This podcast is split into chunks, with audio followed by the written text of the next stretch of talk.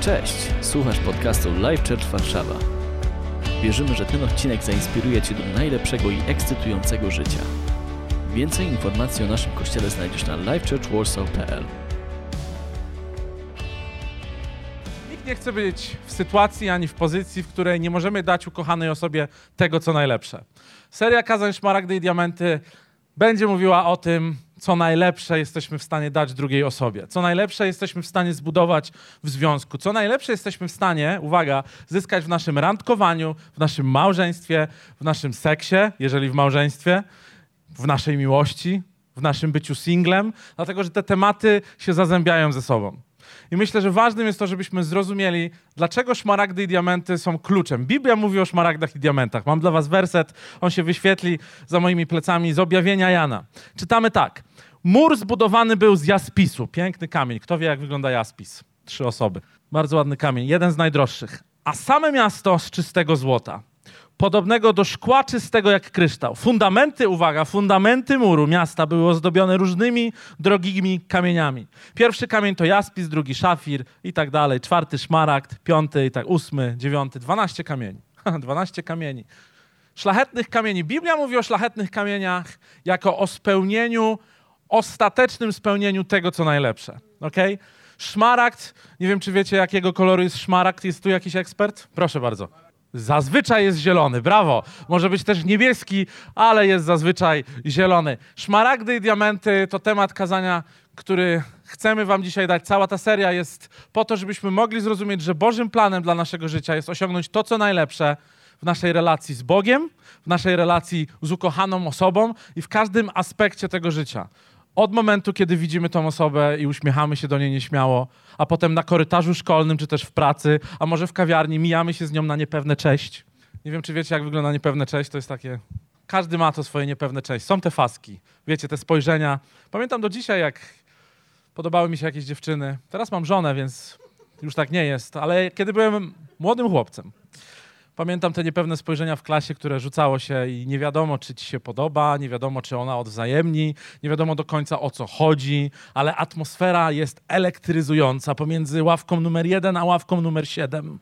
To, co najlepsze, kiedy Biblia definiuje relacje, to, co najlepsze możemy osiągnąć w relacji z Bogiem. Ten opis miasta jest zbudowany z kamieni szlachetnych. Kiedy Biblia mówi o naszej przyszłości z Bogiem, kiedy Biblia mówi o naszej przyszłości i o naszym życiu wiecznym, mówi tylko o najlepszych materiałach, z których nasza wieczność, przyszłość i rzeczywistość z Bogiem jest zbudowana. Okay? Tylko najlepsze materiały. To samo wierzymy, jeżeli chodzi o naszą relację z Bogiem i o nasze relacje z drugą osobą. Bycie singlem czy bycie w małżeństwie. Randkowanie czy poszukiwanie odpowiedzi na trudne pytania nie ma znaczenia, dlatego że wiemy, że jako ludzie jesteśmy powołani do tego, co najlepsze. Świat ma swoją filozofię i próbuje czasami nas wyprać i ogołocić z tego, co najlepsze. Ale standard ojca, który kocha swoje dzieci, a który mówi nam Biblia, mówi nam o tym, że to, co najlepsze, jest dla nas. Ok?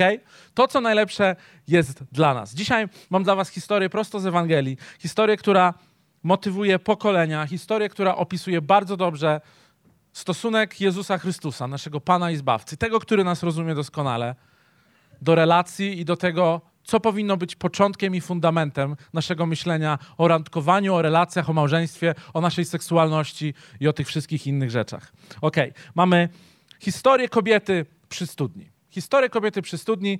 Historia zaczyna się w następujący sposób. Jest gorący dzień, jak podejrzewam, w Izraelu, w Samarii. Jezus bardzo zapragnął napić się wody podchodzi do studni i spotyka tam kobietę. Okay? Czytamy w tej historii, że kobieta, która spotyka Jezusa, mówi mu, że przyszła tutaj zaczerpnąć wody, a Jezus, tak jak czytamy w tym wersecie, odpowiada jej w następujący sposób. Pokazując na studnię, Jezus mówi: Każdy, kto pije tę wodę, znów będzie odczuwał pragnienie. Dlatego, że Jezus wie, że ta woda jest po prostu zwykłą wodą. Jeżeli kobieta czegoś pragnie, to kobieta zazwyczaj to dostaje. Taka była kultura w tamtych czasach. Dzisiaj mamy fenomen kulturowy, jeżeli chodzi o pragnienia, bo mówi się, że kobieta, która bardzo chce faceta, to kobieta, która pragnie i ma wypisane na czole pragnę, ok? W slangu na całym świecie słowo pragnę zostało zdeformowane do tego stopnia, że kontekst seksualny jest tylko widoczny na twarzy kobiety, jeżeli chodzi o pragnienie mężczyzny. Niestety zaburzona seksualność i społeczeństwo, w którym żyjemy, sprawia, że dzisiaj nie mamy dobrego zrozumienia, jakie jest zdrowe pragnienie i budowanie relacji. Myślimy sobie, że zaczynamy czasami od właściwej rzeczy, ale zaczynamy od złej rzeczy. Często dla mężczyzny i kobiety chęć bycia w związku zaczyna się od zamiany siebie i autentycznej wersji samego siebie po to, żeby spodobać się drugiej osobie. Zaczynamy stawać się nie tą autentyczną wersją, która pragnie być sobą i pragnie być odkryta i pragnie być znaleziona, ale zaczynamy zaburzać swoją własną tożsamość tylko po to, żeby druga strona nas zaakceptowała. Zaczynamy szukać swojego ukojenia i swojej tożsamości w istocie drugiej osoby, zamiast znaleźć ją w tym, czym Jezus mówi, że powinniśmy ją znaleźć. Czytamy w tym wersecie dalej. Lecz kto napije się innej wody, mojej wody, nie zazna pragnienia na wieki. Woda, którą ja mu dam, stanie się w nim źródłem wody tryskającej życiem wiecznym. Kobieta poprosiła, panie, daj mi tej wody, dlatego że pragnęła. pragnęła bardzo znaleźć wodę, o której mówi Jezus. Chciała spróbować tej wody. Panie, daj mi tej wody, abym już więcej nie czuła pragnienia i nie przychodziła do tej studni. Prawda jest taka, że ta historia opisuje relację Chrystusa, który rozmawia z kobietą, ale ta historia dotyczy też każdego mężczyzny. Każdy z nas ma pragnienia, które nie są zaspokojone. I pragnienia są często początkiem niesamowitych relacji, ale często, kiedy właściwie niedobrze zaspokojone, są początkiem dysfunkcji w związku. Są początkiem kłamstw, które nakręcamy w swoim życiu i budujemy coś na pokruszonym fundamencie. Konsekwencje złego myślenia i złych pragnień oraz złych realizacji tych pragnień sprawiają, że nasze fundamenty często są popękane, a potem całe nasze życie zbudowane jest na takich chwiejnych, kruszących się nogach, które zbudowane są ze złych priorytetów. Czytamy w tej historii dalej kolejny werset od 16 rozdziału. Kiedy kobieta poprosiła Jezusa, żeby dał jej tej wody, bo nie chciała już więcej pragnienia, Jezus powiedział do niej: Idź zawołaj swojego męża i wróć tutaj. Dla Jezusa było bardzo ważne to, w jakim stanie socjalnym była ta kobieta. Zdefiniował męża w jej życiu. To znaczy, że można było też żyć bez męża, bo jak się okazujemy dalej w tej historii, Jezus powiedział do niej: idź zawołaj swojego męża i wróć tutaj. Dlatego, że Jezus, kiedy powiedział jej: Mam dla ciebie źródło życia, mam dla ciebie wodę, nie chciał dać jej tylko wody jako indywiduum. Chciał, żeby cały jej świat, czyli jej związek, został pobłogosławiony tą wodą życia. Kiedy masz coś dobrego, chcesz, żeby najbliższa ci osoba miała tak samo dobrą rzecz. Kiedy jesteś w relacji, chcesz, żeby twoje doświadczenie było również doświadczeniem osoby obok ciebie. Jezus robi dokładnie to samo. Ta kobieta jest przy studni i mówi, w zachłyśnięciu się tym momentem, mówi: Daj mi tej wody. Strasznie pragnę, jest gorąco. Zacząłeś mi sprzedawać i reklamować jakąś wodę, którą masz. Gdzie jest ta woda? A Jezus powiedział, hola, hola, wiem, że masz kogoś w życiu, więc przyprowadź go. Bo ta woda nie jest tylko dla ciebie, ale ta woda ma pomóc tobie i tej osobie. Wówczas kobieta wyznała, nie mam męża. Szok. A Jezus na to, dobrze mówisz. Męża nie masz. Miałaś bowiem pięciu mężów, a ten, którego teraz masz, nie jest twoim mężem. Powiedziałaś prawdę. Ta historia mogłaby być analizowana i moglibyśmy ją czytać na wiele sposobów, ale dzisiaj chciałem skupić się na tym, co najważniejsze, dlatego że ta kobieta bardzo pragnęła zdrowego związku. Każdy z nas pragnie zdrowej relacji. Owocem złych wyborów i owocem pragnienia czegoś, co nie jest w stanie ją nasycić, była przeszłość tej kobiety. Miała pięciu mężów, z żadnym jej nie wyszło. Prawdopodobnie doszło do pięciu rozwodów. W tamtych czasach ludzie rozwolili się na słowo. Jeżeli kilkakrotnie wypowiedziałeś słowo rozwód, byłeś rozwiedziony, twoja społeczność lokalna wiedziała, że jesteś rozwiedziony, mogłeś przystąpić do nowego związku. Nie był to idealny system, wręcz był to patologiczny system, ale tak funkcjonowano w tamtej kulturze. Ta kobieta, która jest totalnie zawiedziona, mówi: Faktycznie miałam pięciu mężów, teraz wiesz, że ten, z którym jestem, nie jest moim mężem, bo już nie chcę finalizować mojego związku, po prostu jesteśmy ze sobą, bo boimy się ostatecznej relacji. A Jezus mówił proroczo do niej, niezależnie w jakim etapie swojego życia jesteś, mam dla ciebie coś, co pomoże ci zmienić twoje priorytety. Mam dla ciebie coś, co pomoże ci uzdrowić twoją przeszłość i stanąć ci na nogach. Mam dla ciebie coś, co naprawi twój fundament. Czy chcielibyście zrozumieć swój najzdrowszy fundament w Jezusie Chrystusie, jeżeli chodzi o relacje? Zakładam, że tak, mimo że nie było odpowiedzi. Czy chcesz być osobą, która jest życzliwa i kochająca innych ludzi? Czy chcesz być osobą, która okazuje innym miłość, tak jak Bóg okazał Tobie miłość, poprzez totalne poświęcenie, poprzez radość i pokój, poprzez wyratowanie Cię ostatecznie, poprzez to, że Biblia wielokrotnie mówi o tym, że Bóg, jak dobry pasterz, szuka nas gdziekolwiek jesteśmy zgubieni. Chcemy być tak kochającymi osobami dla drugiej osoby. Chcemy być tymi, którzy wychodzą naprzeciw potrzebom. Chcemy być tymi, którzy mają mądrość, pokój, opanowanie. Chcemy być tymi, którzy zaskakują. Chcemy mieć zdrowy, radosny, kwitnący związek z drugą osobą. Chcemy być tymi, którzy kojarzą się z ciepłem rodzinnego domu, z fantastycznymi randkami. Nikt nie chce mieć złych myśli o samym sobie, ale niestety nasze doświadczenia nakręcają nas na bardzo negatywne myślenie o sobie samym. Najczęściej jest tak, że żyjemy bardzo wielkimi porażkami w swoim życiu i te porażki zasłaniają nam perspektywę tego, że jednak możemy lepiej. Że jednak to, co się wydarzyło w moim życiu miesiąc temu, pięć lat temu, w jakiś sposób mogę się od tego odciąć, tak jak Chrystus powiedział do tej kobiety, definiując to, co się tam stało. Wiem, że się popsuło ale mam dla ciebie coś, co sprawi, że możesz zacząć budować od nowa. Wiem, że twoja perspektywa albo twoje doświadczenie relacji mogło być popsute, ale Jezus ma dla nas coś, co może sprawić, że możemy zacząć mieć niesamowity fundament, piękny początek i obfite życie w naszych relacjach. Naturalnym działaniem tego, że jesteśmy kochani przez Boga, jest to, że rozumiemy głębię miłości. Kiedy wiemy, że Bóg nas kocha i kocha nas nieskończenie, chcemy tak, ko tak kochać innych ludzi. Kiedy Jezus rozmawiał z tą kobietą przy studni, w pewnym momencie powiedział jej, miałaś pięciu mężów. Powiedział jej potem, cytując, gdybyś znała dar Boży, który ci pokazałem, poprosiłabyś o wodę żywą, którą mam dla ciebie. Innymi słowy, gdybyś rozumiała, że jest alternatywa twoich wyborów, zrozumiałabyś, że jest coś fantastycznego, co mogę ci zaoferować że możesz poprosić o coś więcej niż tylko o to, żeby ja już nie chcę popełniać tych samych błędów. Bo ludzkim mechanizmem jest to, że chcę powiedzieć, nie mam, mam, nie mam już ochoty, ciągle, ciągle zapętlam się i zawijam w ten sam problem. Chciałabym po prostu, chciałbym czegoś nowego dla swojego życia, w swoich relacjach. Potrzebujemy źródła życia.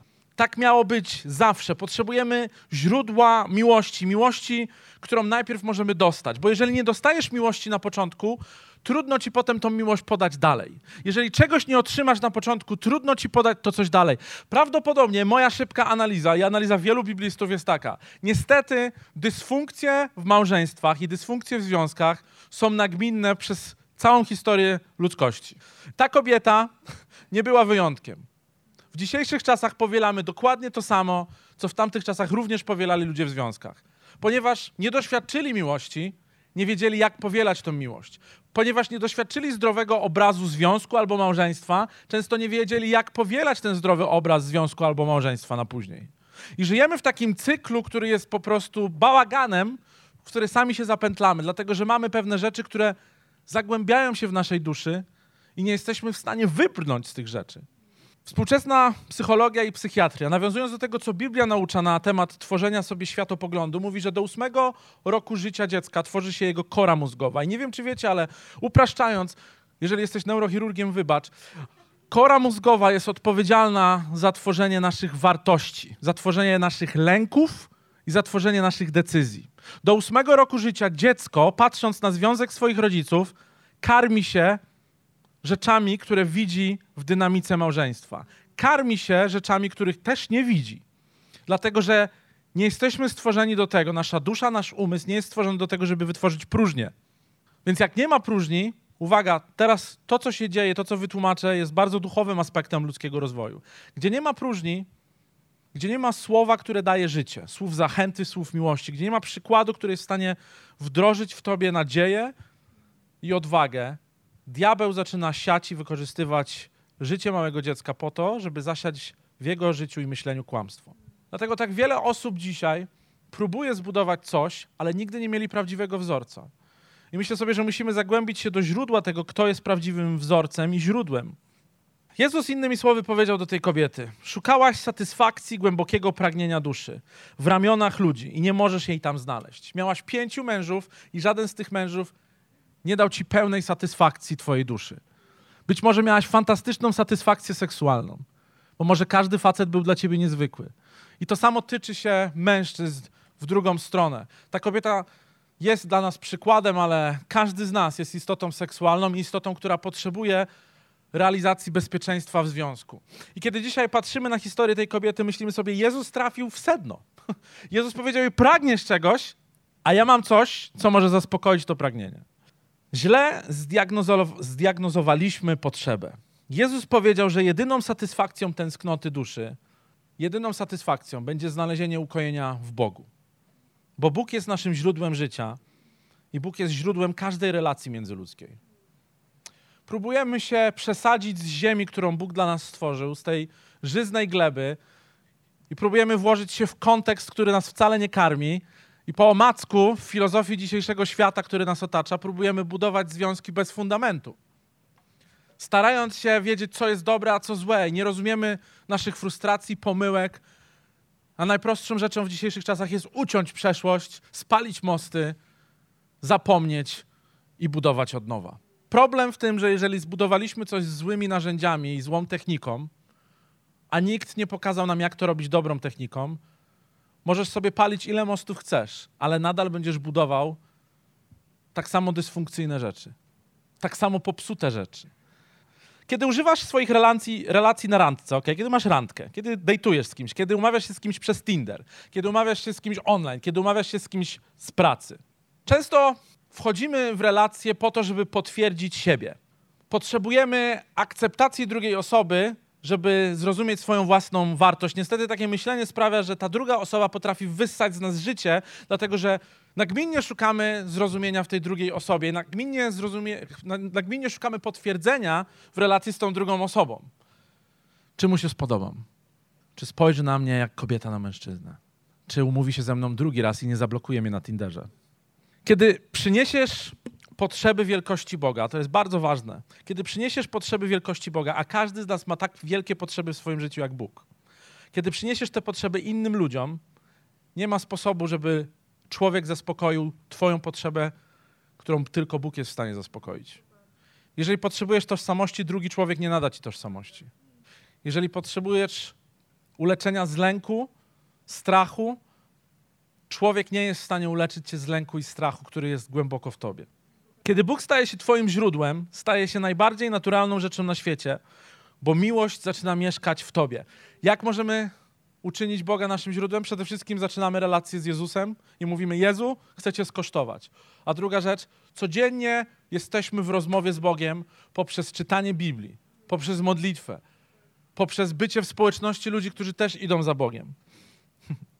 Kiedy wiesz, że jesteś naprawdę kochany, łatwo jest kochać innych. Kiedy nie jesteś kochany, łatwo jest być zgorzkniałym w stosunku do drugiej osoby. Łatwo jest przerzucać swoje frustracje. Wiecie, ten moment zakochania, ten moment motylków, ten moment chemii w relacji, ten moment, uuu, podoba mi się. On przykrywa bardzo dużo rzeczy, które w nas nie działają. Jest jak perfumy na zgniłe ciało. I myślę sobie, że kiedy perfumy się rozmyją, zostajemy autentyczni my, którzy wyżywamy się, którzy miotamy się, którzy próbujemy się wyrwać, którzy albo tracimy wolność związku, albo chcemy podyktować swoją wizję związku.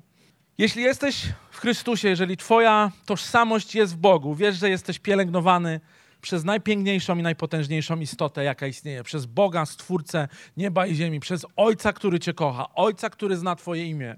On Cię widzi, dał Ci wszystko, aby uczynić Cię swoim. Nigdy nie odda cię nikomu innemu. Ten sam Bóg w postaci Chrystusa podchodzi do kobiety, która ma zmasakrowaną przeszłość i która buduje popsutymi narzędziami i mówi jej: Rozumiem ciebie, rozumiem twoją duszę, ale muszę dać ci coś, czym będziesz się karmić, co sprawi, że zmieni się wszystko. Dam ci wodę, którą jestem ja sam.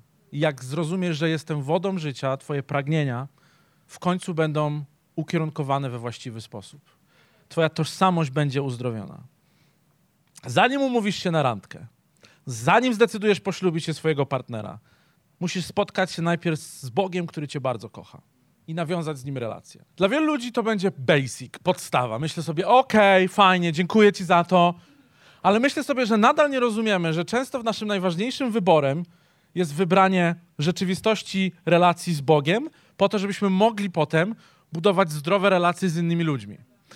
Ja randkowałem bardzo dużo. Miałem pięć dziewczyn przez cztery lata swojego nastoletniego życia. Byłem playerem. Nie, nie byłem. Prawda jest taka, prawda jest taka, że byłem bardzo, bardzo, bardzo potrzebującą osobą. Byłem terrorystą emocjonalnym. Chciałem mieć dziewczynę tylko po to, żeby zobaczyć swoją wartość w drugiej osobie. I kiedy Bóg do mnie w wieku 18 lat naprawdę zaczął mówić, zaczął do mnie mówić o tym, kim On jest, zaczął mi mówić o swojej miłości do mnie, o mojej przyszłości w Nim, o tożsamości, którą jest w stanie odbudować we mnie, o procesie restauracji i naprawy. Restauracja to takie inne słowo na naprawę. Postanowiłem w swoim sercu, że 18 miesięcy mojego życia, półtorej roku, musicie zrozumieć, w ciągu czterech lat miałem pięć dziewczyn. W wieku 18 lat Bóg zaczyna mówić do mnie, 18-letniego, zapryszczonego, zagubionego w rzeczywistości chłopaka i zaczyna do mnie mówić, oddaj mi swoje miesiące. Po to, żebyś mógł zobaczyć prawdziwą, autentyczną naprawę siebie. Po to, żebyś mógł znaleźć osobę, nie która będzie twoim dopełnieniem, nie która nada ci tożsamość, ale osobę, dla której ty będziesz mógł oddać wszystko i poświęcić się jej, taki jaki jesteś. Nie będziesz musiał szukać swojej tożsamości w drugiej osobie, będziesz mógł kochać tą osobę i wspierać ją, a ona będzie mogła robić to samo dla ciebie. Minęło 18 miesięcy, poznałem moją obecną żonę Igę, którą dobrze znacie. Poznałem na nowo, bo znaliśmy się od liceum. Ale myślę sobie, po tych 18 miesiącach zrozumiałem, jak bardzo ważne jest to, żeby odrzucić trzy rzeczy, które nas zabijają. Trzy rzeczy, które nas demotywują. Trzy rzeczy, które kierują naszą tożsamością, tak jak kierowały życiem tej kobiety. Ok, te trzy rzeczy są następujące. Pierwszą rzeczą, którą się kierujemy w budowaniu naszych relacji na podstawie traumy, kory mózgowej, lęków i wspomnień jest strach. Strach tego, że A, będziemy niewystarczająco dobrzy. Strach tego, że ktoś nas porzuci. Strach, strach, strach jest tą pierwszą rzeczą. Kolejną rzeczą, którą często używamy w naszym funkcjonowaniu, jest pycha, jest duma. To, że czujemy się lepsi, to, że rozumiemy bardziej życie. To, że wiesz co, ja już miałem tyle partnerów, a ty dopiero jesteś moja pierwsza. Ja jestem twój pierwszy, więc jakby no, baby. Jakby zrozum, że ja wiem więcej. Pycha sprawia też, że nie przyznajemy się do błędów. Pycha sprawia też, że nie potrafimy przebaczyć innym, ale też nie chcemy przyjąć przebaczenia. Pycha czasami działa w drugą stronę. Zepsujemy coś, a ktoś ci przebacza i ktoś mówi: Wiem, że popełniłeś błąd przeciwko mnie, ale wybaczam ci, ale twoja pycha mówi ci: Nie, nie, nie, nie nadaje się do tego związku. Bez sensu, zostaw mnie. To nie ty, to ja. To jest pycha. Jest strach i pycha. Trzecią rzeczą jest żądza. Dlatego, że mamy żądzę, nie tyle żądzę władzy nad drugą osobą. Czasami chcemy rządzić rzeczywistością. Ktoś jest control freakiem na sali? Chcemy rządzić rzeczywistością, wyborami. Jak już kogoś kochamy, jak już budujemy związek, to myślimy sobie, mój ci on, więc ubiorę go tak, jakbym chciała. No bo kochanie, podaj piwo, wiesz gdzie jest. Najgorsze, co możesz zrobić. Podaj piwo. Patrzyłem na to często. Rządze seksualne, które rzucają mgłę na nasz obraz tego, jaka jest wartość drugiej osoby. Seks nie jest zły, seks jest wspaniały. Seks jest wspaniały w dobrym kontekście. W dobrym, zdrowym kontekście tego, kiedy wiemy, kim my jesteśmy, jaki jest nasz plan. Tego, kim my jesteśmy w Bogu i tego, kim jest druga osoba. Seks jest piękną rzeczą, którą dał nam Bóg, po to, żebyśmy mogli naprawdę zrozumieć intymność. Będziemy o tym mówili jeszcze przez dwa tygodnie. Za tydzień będziemy mieć tutaj panel ludzi w różnym etapie życia w związku. Małżeństwo, narzeczeństwo, singli. Ale ostatnią rzeczą, ostatnią rzeczą, która powinna zabić te trzy jest miłość. Dlatego, że myślę sobie, że próbujemy miłość ubrać w różne rzeczy. Manipulacja, która daje nam strach. Kocham cię, zostań. Nie porzucaj mnie, kocham cię. Tak naprawdę boję się być sam, bo nie rozumiem, kim jestem. A potem złość. Jak mnie zostawisz, to trudno, już zrozumiałem. Znajdę sobie kogoś innego. Ja tak miałem, to była moja gadka. Zostawiasz mnie? Przykro. Za dwa miesiące już mam nową dziewczynę. Miłość, która powinna przykryć naszą pychę. Dlatego, że pycha, pycha kieruje się złymi motywacjami cały czas. Ja jestem w lepszym miejscu, nie rozumiesz, ja rozumiem. Nie, nie, nie, ja rozum, nie rozumiesz. Ale miłość tego nie robi. Są źródła wody, do których sięgamy. Potrzebujemy strachu, pychy. Ostatnia żądza. W dzisiejszych czasach największą pomyłką jest to, że żądza jest zastępowana miłością. Ludzie nie wiedzą, co jest miłością, a co jest rządzą. Pokolenie ludzi ostatnich 60 lat wychowało się na obrazie miłości, która jest rządzą, która jest chucią, która sprawia, ale mi się podoba. To jest miłość. Przepraszam za to słownictwo, ale to jest słownictwo, którym Kościół powinien operować, dlatego że powinniśmy przynieść Chrystusa, który jest naszym uzdrowieniem. Ale on jest gorący. Ale towar. Zaczynamy, nawet nie widzimy, jak rządza zmienia naszą percepcję tożsamości drugiej osoby. Przedmiotowość, pornografia, one nie wzięły się dlatego, że chcemy zobaczyć piękno seksu. One wzięły się dlatego, że rządza przykrywa oczy i przykrywa prawdziwą tożsamość miłości. I myślę sobie, jaka jest odpowiedź na to wszystko, jak możemy zakończyć ten wielki temat na dzisiaj, chociaż to dopiero prolog, wstęp i intro. I robimy to po to, żebyście mogli przez te najbliższe trzy tygodnie zacząć o tym rozmawiać. Zakończę historią. I chciałbym, żebyście odebrali tą historię taką, jaka jest, dlatego że ta historia upraszcza pewien sposób myślenia. W dawnych czasach, kiedy byłeś kapitanem statku i płynąłeś na morza, które były ci w ogóle nieznane, nie miałeś pojęcia, gdzie płyniesz. Wiedziałeś, że jest mapa, wiedziałeś, że są jakieś wyspy. Kiedy byłeś brytyjskim marynarzem, kiedy byłeś hiszpańskim marynarzem, kiedy płynąłeś do różnych terenów, wiedziałeś, że tutaj masz mapę i tutaj znasz tą mapę i tutaj wiesz, gdzie płynąć, ale tam jest zupełnie nieznane morze. I teraz co się działo? Dobry kapitan nie był pyszny. Dobry kapitan nie miał rządzy zdobycia takiego nieznanego morza. Dobry kapitan nie manipulował rzeczywistością i nie miał też strachu. Dobry kapitan mówił jedną bardzo ważną rzecz. Potrzebuje nawigatora. W tamtych czasach istniała funkcja lokalnych nawigatorów. W każdym porcie, od Puerto Rico na Bahamach, aż po przylądek Zielonej Nadziei, poprzez całą Oceanię, od Hawaj do Nowej Zelandii. Moja geografia jest bezbłędna. Na każdej lokalnej wyspie istniała funkcja nawigatora. Kapitan, który odrzucał pychę, odrzucał żądzę i odrzucał strach, podpływał blisko do portu albo podpływał do wybrzeża, bo statki były, nie wiem czy wiecie, za duże, żeby podpłynąć na plażę, dla tych, którzy nie wiedzą. Stawał i wywieszał flagę. Czerwoną flagę. Ta czerwona flaga oznaczała potrzebuję nawigatora. Potrzebuję nawigatora, bo będę płynął na nieznane morza. Odrzucam pychę, odrzucam strach i odrzucam żądzę. Lokalny nawigator widział flagę i płynął małą łodzią, podekscytowany, że będzie mógł wprowadzić kapitana, który jest obeznany, z jego wielkim statkiem i całą drużyną na nieznane morze. Przeprowadzić go przez te trudne wody. Wody, które niszczą statki, gubią marynarzy, zabijają ludzi. Taki nawigator wskakiwał na ten statek i wtedy kapitan zmieniał flagę. Zmieniał flagę z czerwonej na biało-czerwoną, polską flagę. Naprawdę, na biało-czerwoną flagę zmieniał.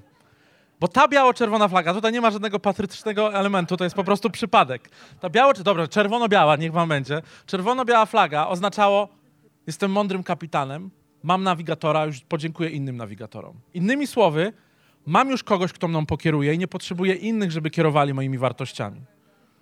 Dzisiaj zakończymy piosenką i modlitwą. Chciałem, żebyśmy wstali, kościele. Tak jak ta kobieta przy studni. Tak jak ta kobieta przy studni. Najmądrzejszą rzeczą dzisiaj jest przyjść do Chrystusa i powiedzieć mu: Pragnę. Potrzebuję wody, którą masz. Tak jak kapitanowie przez wieki kiedy nie było współczesnej komunikacji, nie było map i nie było rzeczy. Dzisiaj i wy, tak jak jesteśmy tutaj, każdy z nas wypływa na nieznane nam morza. Dla mnie nieznanym morzem było małżeństwo, dlatego że doświadczyłem niedziałających małżeństw, czy to moich rodziców, niedziałającego małżeństwa moich teściów, nawet ba, niedziałającego małżeństwa moich dziadków. I wiecie, potrzebowałem kapitana, potrzebowałem powiedzieć: Jezu, ja nie mam pojęcia potrzebuję A, Twojego słowa nad moim życiem, bo chcę, żeby moje małżeństwo, moje randkowanie w małżeństwie, moja relacja z moją żoną, moja seksualność miały dobrą nawigację. Potrzebuję Twojego słowa, potrzebuję Twojej modlitwy, potrzebuję Twojego Ducha Świętego i mało tego, potrzebuję społeczności ludzi, której będę mógł zaufać, bo potrzebuję zdrowych nawigatorów w swoim życiu, szczerych nawigatorów. Każdy z nas, tak jak ta kobieta i tak jak kapitan, dzisiaj potrzebuje powiedzieć: Boże, potrzebuję Cię w tej kwestii. Potrzebuję, żebyś był moim nawigatorem, Jezu. bo wypływam dzisiaj na głębokie wody. Może boisz się randkować. Może zastanawiasz się na temat siebie i swojej przyszłości. I dzisiaj Jesteś osobą, która nawet nie chce wejść w związek. Może sfera Twojej intymnej relacji z drugą osobą jest zaburzona i ma trudną przeszłość. Bo może wpłynąłeś na te wody bez nawigatora. Ale Biblia daje nam niesamowitą obietnicę. Jezus jako jedyny prorok tamtych czasów, jako jedyny nauczyciel tamtych czasów, powiedział wiekopomne słowa, które powiedziałem na początku tego nabożeństwa. Tylko Jezus miał tupet i tylko Jezus ma autorytet powiedzieć te słowa. Ja jestem drogą. Nie chodź za mną. Kiedy mówił do uczniów, chodź za mną, oni nawet nie wiedzieli, że oni nie idą za Jezusem drogą, tylko oni szli drogą, którą jest Jezus. W świecie, który przynosi nam filozofię na temat miłości, relacji, w świecie, w którym zmienia się definicja małżeństwa, w świecie, w którym jest tak dużo debat i rozmów na temat seksualności i nie mamy wszystkich odpowiedzi, nie wiemy nawet, co jest dobre. Potrzebujemy nawigatora, Jezusa Chrystusa, który jest drogą, który daje prawdę, a który przez tą prawdę i drogę też przynosi życie. Chciałbym, żebyśmy zaśpiewali, jak bardzo potrzebujemy Jezusa. Jeżeli mogę Cię dzisiaj prosić o Twoją wewnętrzną, personalną deklarację. Kościół, który uczy się Jezusa i uczy się chodzić z Jezusem, to kościół ludzi, którzy mówią szczerze Bogu, jak jest. I mówią: Jezu, nie mam pojęcia. Mam pełno dysfunkcji, mam pełno pękniętych miejsc. Tak naprawdę nie mam mapy na to morze, na które wysyłasz mnie dzisiaj. Potrzebuję wiedzieć, jak mam to zrobić. Naprawdę potrzebuję przynieść na nowo temat mojego życia w tej kwestii. A wiecie, co robi dobry Bóg? Dobry Bóg, który jest miłością. Tak jak mówi nam pierwszy list Jana. Dobry Bóg, który jest bardzo dobrym nawigatorem, przeprowadzi nas przez te wody. Zaśpiewajmy i niech ta piosenka będzie naszą modlitwą. Na końcu pomodlimy się o nas wszystkich. Mamy nadzieję, że ten odcinek Cię zainspirował. Kolejne odcinki ukazują się co tydzień. Pamiętaj, że możesz odwiedzić nas każdą niedzielę, a więcej informacji o naszym kościele znajdziesz na livechurchwarsaw.pl.